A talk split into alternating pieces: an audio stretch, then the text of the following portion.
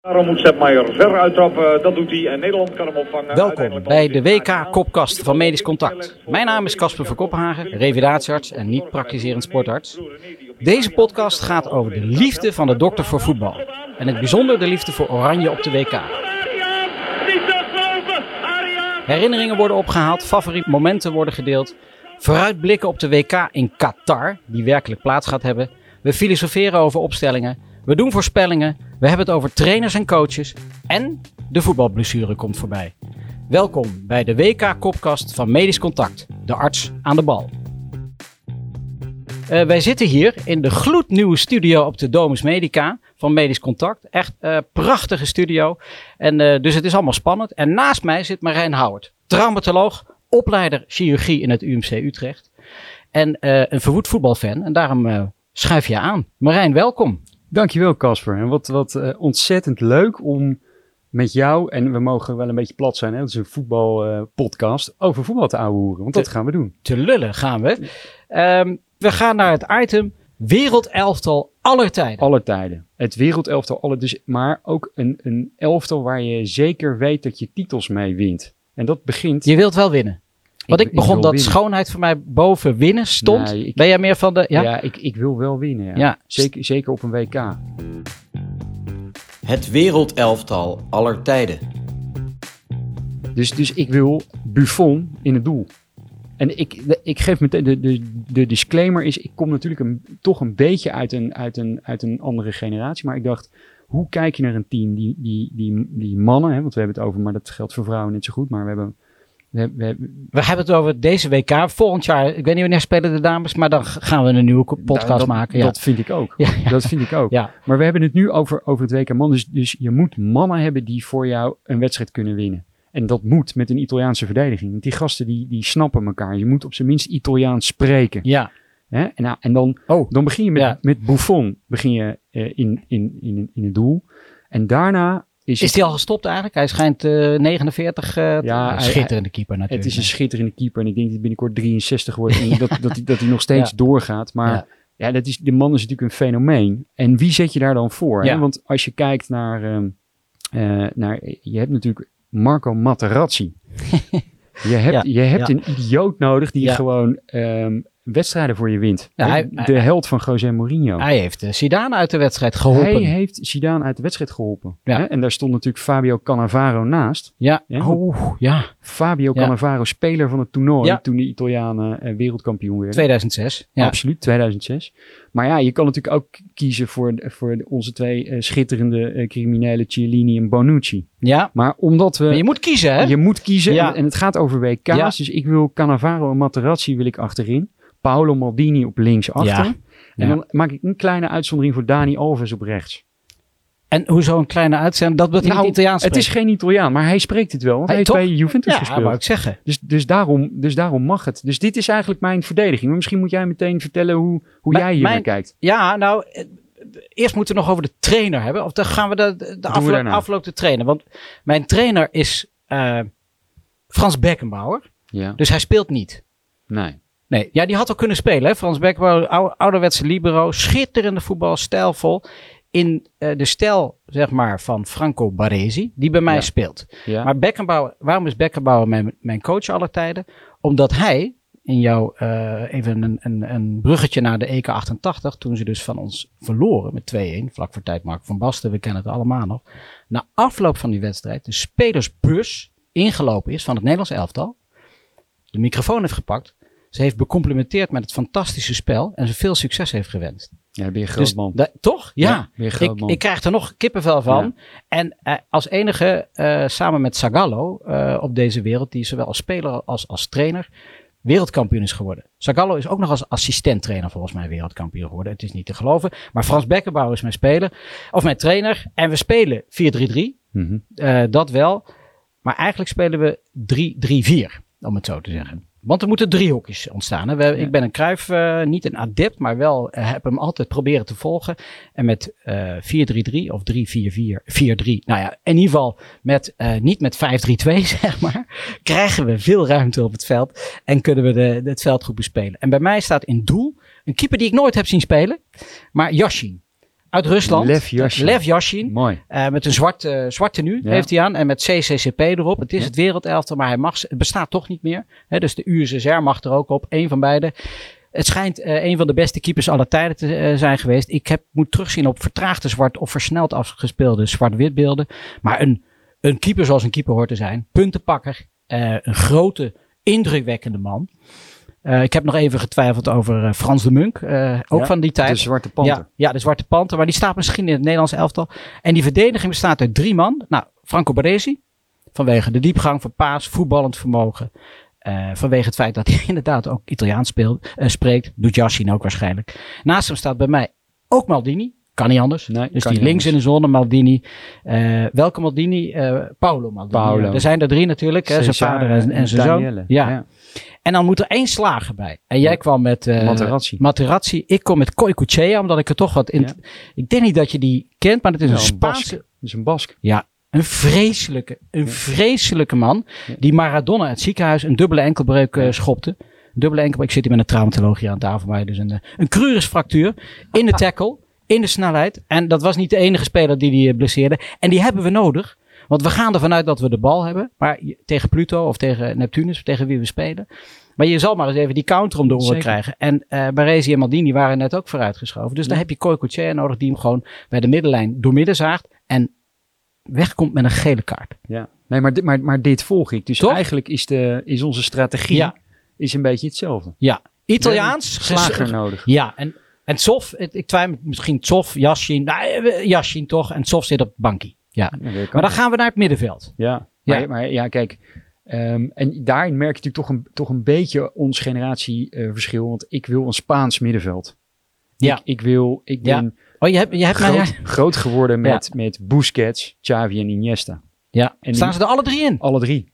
Want- Zo! Want daar, ik geloof daarin. Want die, die jongens die, die speelden bij Barça, eh, de sterren van de hemel, zijn twee keer wereldkampioen geworden. Ja, Dat, de, en heb kennen ze er elkaar niet in. van Hoe kan het haver- eigenlijk? Ja, dat Ja. weet- Ja. Maar, maar nee, want jij, ik ga het zo vertellen. ja, Nee, maar Xavi- ja, nee, maar het is sensationeel wat die mannen hebben Ja, gedaan. maar jij gaat en terecht natuurlijk zo met, met, met prachtige namen komen uit het verleden. Maar ik ben, wat dat betreft ben ik een pragmaticus. En van, ja, ik heb volgens mij het beste middenveld ooit zien spelen, zowel bij Barcelona als in het Spaanse elftal.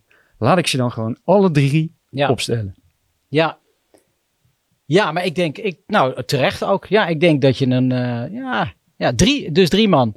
Drie man. En, en dus Italiaanse linie, Spaanse linie. Exact. En dan heb je Dani Alves ook al als verbinder. Ja, ja, Want die ja, spreekt tuurlijk, natuurlijk ook wel een Ja. woordje eh, Spaans. Daar houden wij van, van Houden te wij verbinden. van, van ja. verbinden. ja. Nou, mijn middenveld is dan toch eh, weer anders. Inderdaad, wat ge- gelardeerd met mensen uit het ver verleden. Mooi. Socrates staat namens die Braziliaanse generatie, staat Socrates daar eh, te spelen. Maradona Ja. als eh, nummer 10. Ehm, ja, we spelen met vier spitsen, heb ik net bedacht. en ik zat te twijfelen tussen Mascherano. Javier Mascherano. Vind Ja, ik wel een mooie ja, als keuze. verdedigende middenvelder. Maar de mooiste verdedigende middenvelder die ik ooit heb gezien, is Redondo. En Redondo, Ja. die kennen de mensen niet. Omdat hij, ja, dan zul je zeggen, ja, maar dan, waarom speelt hij dan? Ehm, nou, Xavi had natuurlijk ook die plek, maar Redondo, daar is het verhaal van dat het een hele intelligente man, een hele sympathieke man. En die raakte op een gegeven moment, hij speelde bij Real Madrid. En daarna is hij naar AC Milan AC gegaan Milan, voor ja. veel geld. Ja. Heeft hij twee jaar is hij geblesseerd geweest. En na één jaar blessure heeft hij tegen het bestuur van eh, Milan gezegd: Ik hoef niet meer betaald te worden.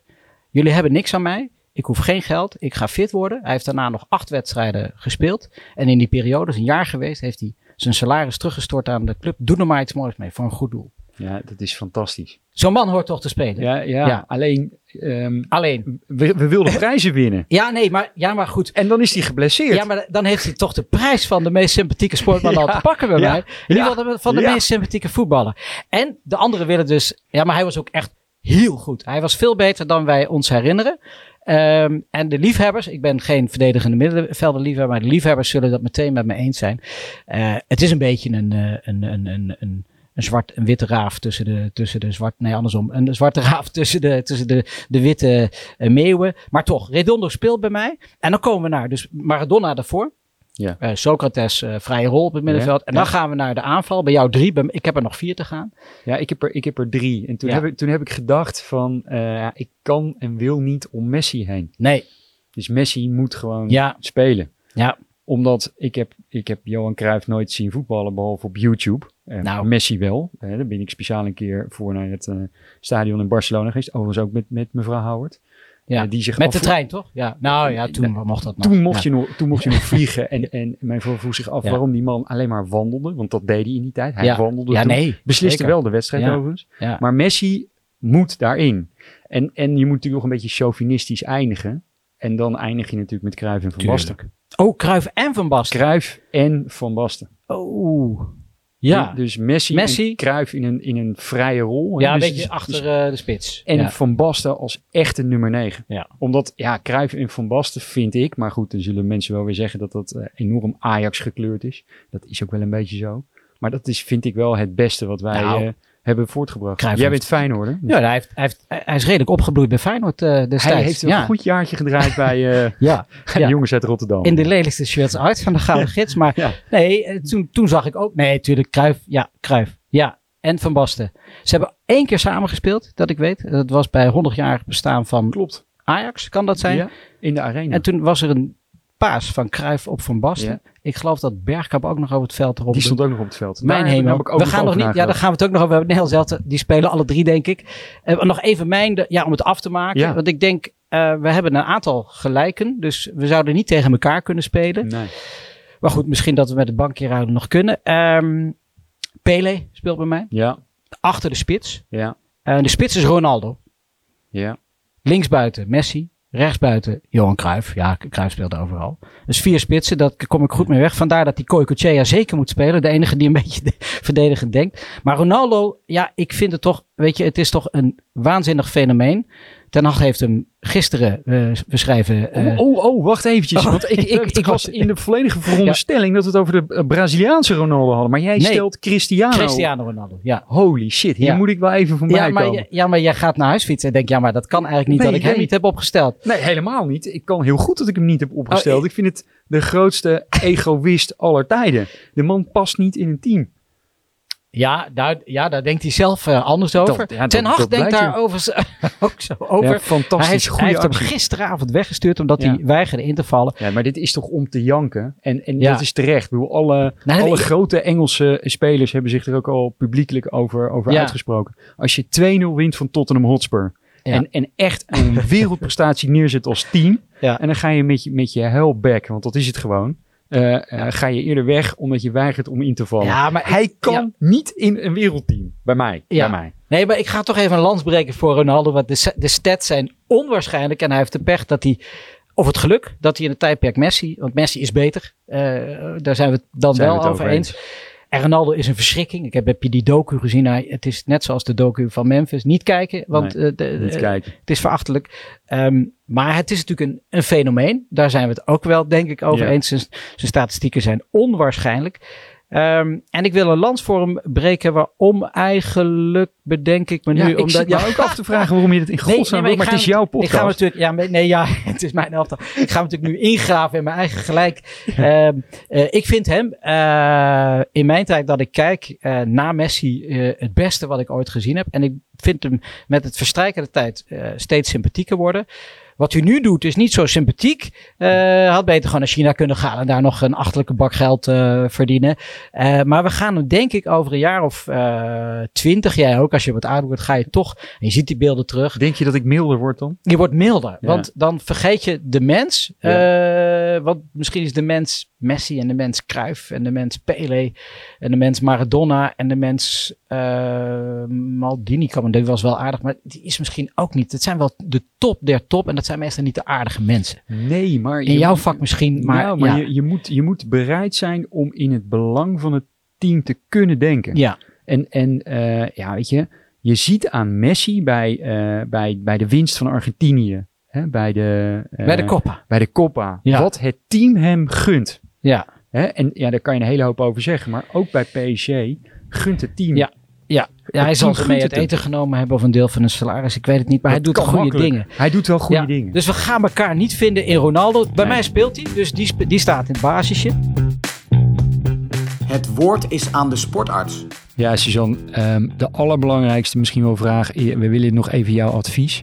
Met wie moet Casper nou echt in gesprek over voetbal? Um, ja, goede vraag. En dat moet natuurlijk, uh, althans, dat, moet dat iemand medisch zijn? Ja, dus, zeker. Medisch. Met, Dokter. En dat moet Nederlands zijn natuurlijk ook. Uh, dat is wel zo handig voor... Niet per se. Hij spreekt een woordje over de grens, ja, man. Nou, maar, maar Pools en uh, Swahili niet. Maar ik ben het Frans Tim, Fransje Timmermans. Nee, maar ja. Heb je iemand voor ogen? Of uh, zo'n collega die altijd maar lult? natuurlijk al jullie lieten zelf de bondsarts al vallen. Hè? Eh, Edwin natuurlijk van Heren 1. Ja, dat is natuurlijk wel, denk ik, de uitgelezen persoon dan eh, die aan de tand te voelen richting dit. Uh, nou, maar hij zit in Qatar, Suzanne. Hoe, hoe doen we dat? Moeten we hem bellen? We dat vindt Louis nooit goed. wat, is het probleem? Maar als wij, als wij tegen Edwin zeggen, Suzanne heeft jou uh, getipt. En dan tegen Louis zeggen, we moeten even vijf minuten tijd van... Het moet van Suzanne zeggen ja, tegen Louis. We gaan het zeggen.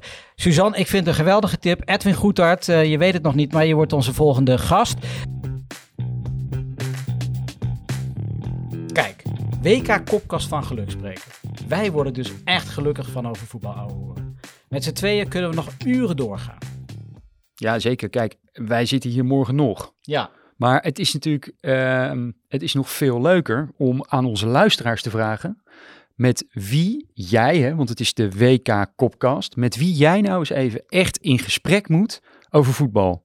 Wie er nou niet ophoudt met over voetbal ouwehoeren, wie er gekke dingen zegt, misschien wel slimme dingen. Ik, ik, ik pitch meteen even mijn grote vriend Maarten van Eyck, intensivist. Ik ken hem. Als je, als je hem vraagt naar het wereldelftal, dan begint hij met Jozef Kieprits. Nou, dat, dat verdient alle vormen van toelichting, vind ik. Maar, maar dit soort mensen, die, die daar net zo uh, mee gaan slapen en, en opstaan als wij dat wellicht doen. Ik, ja, het is natuurlijk fantastisch om daarover met jou in gesprek te gaan. Ja, um, maar ja, nu ga je natuurlijk krijgen dat, want iedereen heeft wel een mening over voetbal, zeker als de WK eraan zit te komen. Ja. Daar, daar vind ik daar vind ik dan wel wat van, ja, ik, uh, Ja, maar, maar, maar dat vind ik ook. Dus ik vind wel dat ze, dat ze door, de, door de Van Koppenhagen test heen moeten. en misschien wil je dat zelf ja, toelichten. Nou, die zal ik even kort toelichten dan mensen. Van Koppenhagen test bij mij in de straat willen heel veel mensen vaak met mij voetballen kijken, want ik, ik ben er altijd zo mee bezig. En zeg ik altijd, dat mag, maar je moet wel de opstelling uit je hoofd kennen. Dus als je binnenkomt bij de wedstrijd, dan moet je erop. Dus je moet minimaal de, elf, uh, de basis 11 weten of kennen. Of in ieder geval een heel eind komen. Nou, dat had ik dus een keer bij mijn buurman, die absoluut niets met voetbal heeft. Maar die zei: Casper, mag ik een keertje bij jou voetbal kijken? Want dat lijkt me zo gezellig. Ik zei: Nou, er is niks gezelligs aan. Je moet gewoon, er moet gewoon, uh, hè? Er moet, moet gewoon gevlamd worden, natuurlijk. En die had dus, ter voorbereiding op, had hij het elftal uit zijn hoofd geleerd. Nederland-Mexico uh, op de WK 2014, kwartfinale. En nou, je weet wat er gebeurd is vlak voor tijd. Arjen Robben, de Schwalbe uh, van de eeuw ongeveer. Hè, was natuurlijk helemaal geen penalty. Maar die had hij goed geverseerd en wij winnen daar met 2-1. En het ging dus de hele tijd over die Schwalbe. En hij zegt op een gegeven moment, hij had zich dus elf namen had hij uit zijn hoofd. Vraagt hij hardop, Kasper, wat is een schwalbe eigenlijk? Waarop het gesprek natuurlijk stil viel en je alsnog naar buiten werd gebonjourd, want dat kan toch niet? Dus dat is ongeveer de Van Kopenhagen-test. Uh, de basis 11 kennen en weten wat een schwalbe is. Nou, dat, is, uh, dat is dus eigenlijk is het ook best goed te doen. Met het WK op komst, een opstelling van het Nederlands elftal kunnen noemen bij jou en daarmee niet door de mand vallen, is toch wel... Ja dus onze, onze shout-out naar het uh, luisteraarspubliek is: ken jij iemand die niet op kan houden om over voetbal te praten en die zeker hier in de podcast moet, uh, moet zijn? Mail dan naar redactie.medischcontact.nl. Met als titel WK Kopkast. En dan zijn we halverwege de Duitse helft met ruimte voor aan. De afstand aan en dat is U luisterde naar de WK Kopkast, een productie van Casper van Kopenhagen in samenwerking met Medisch Contact en Netfeed. Niets missen van de WK Kopkast? Abonneer je gratis op deze podcast.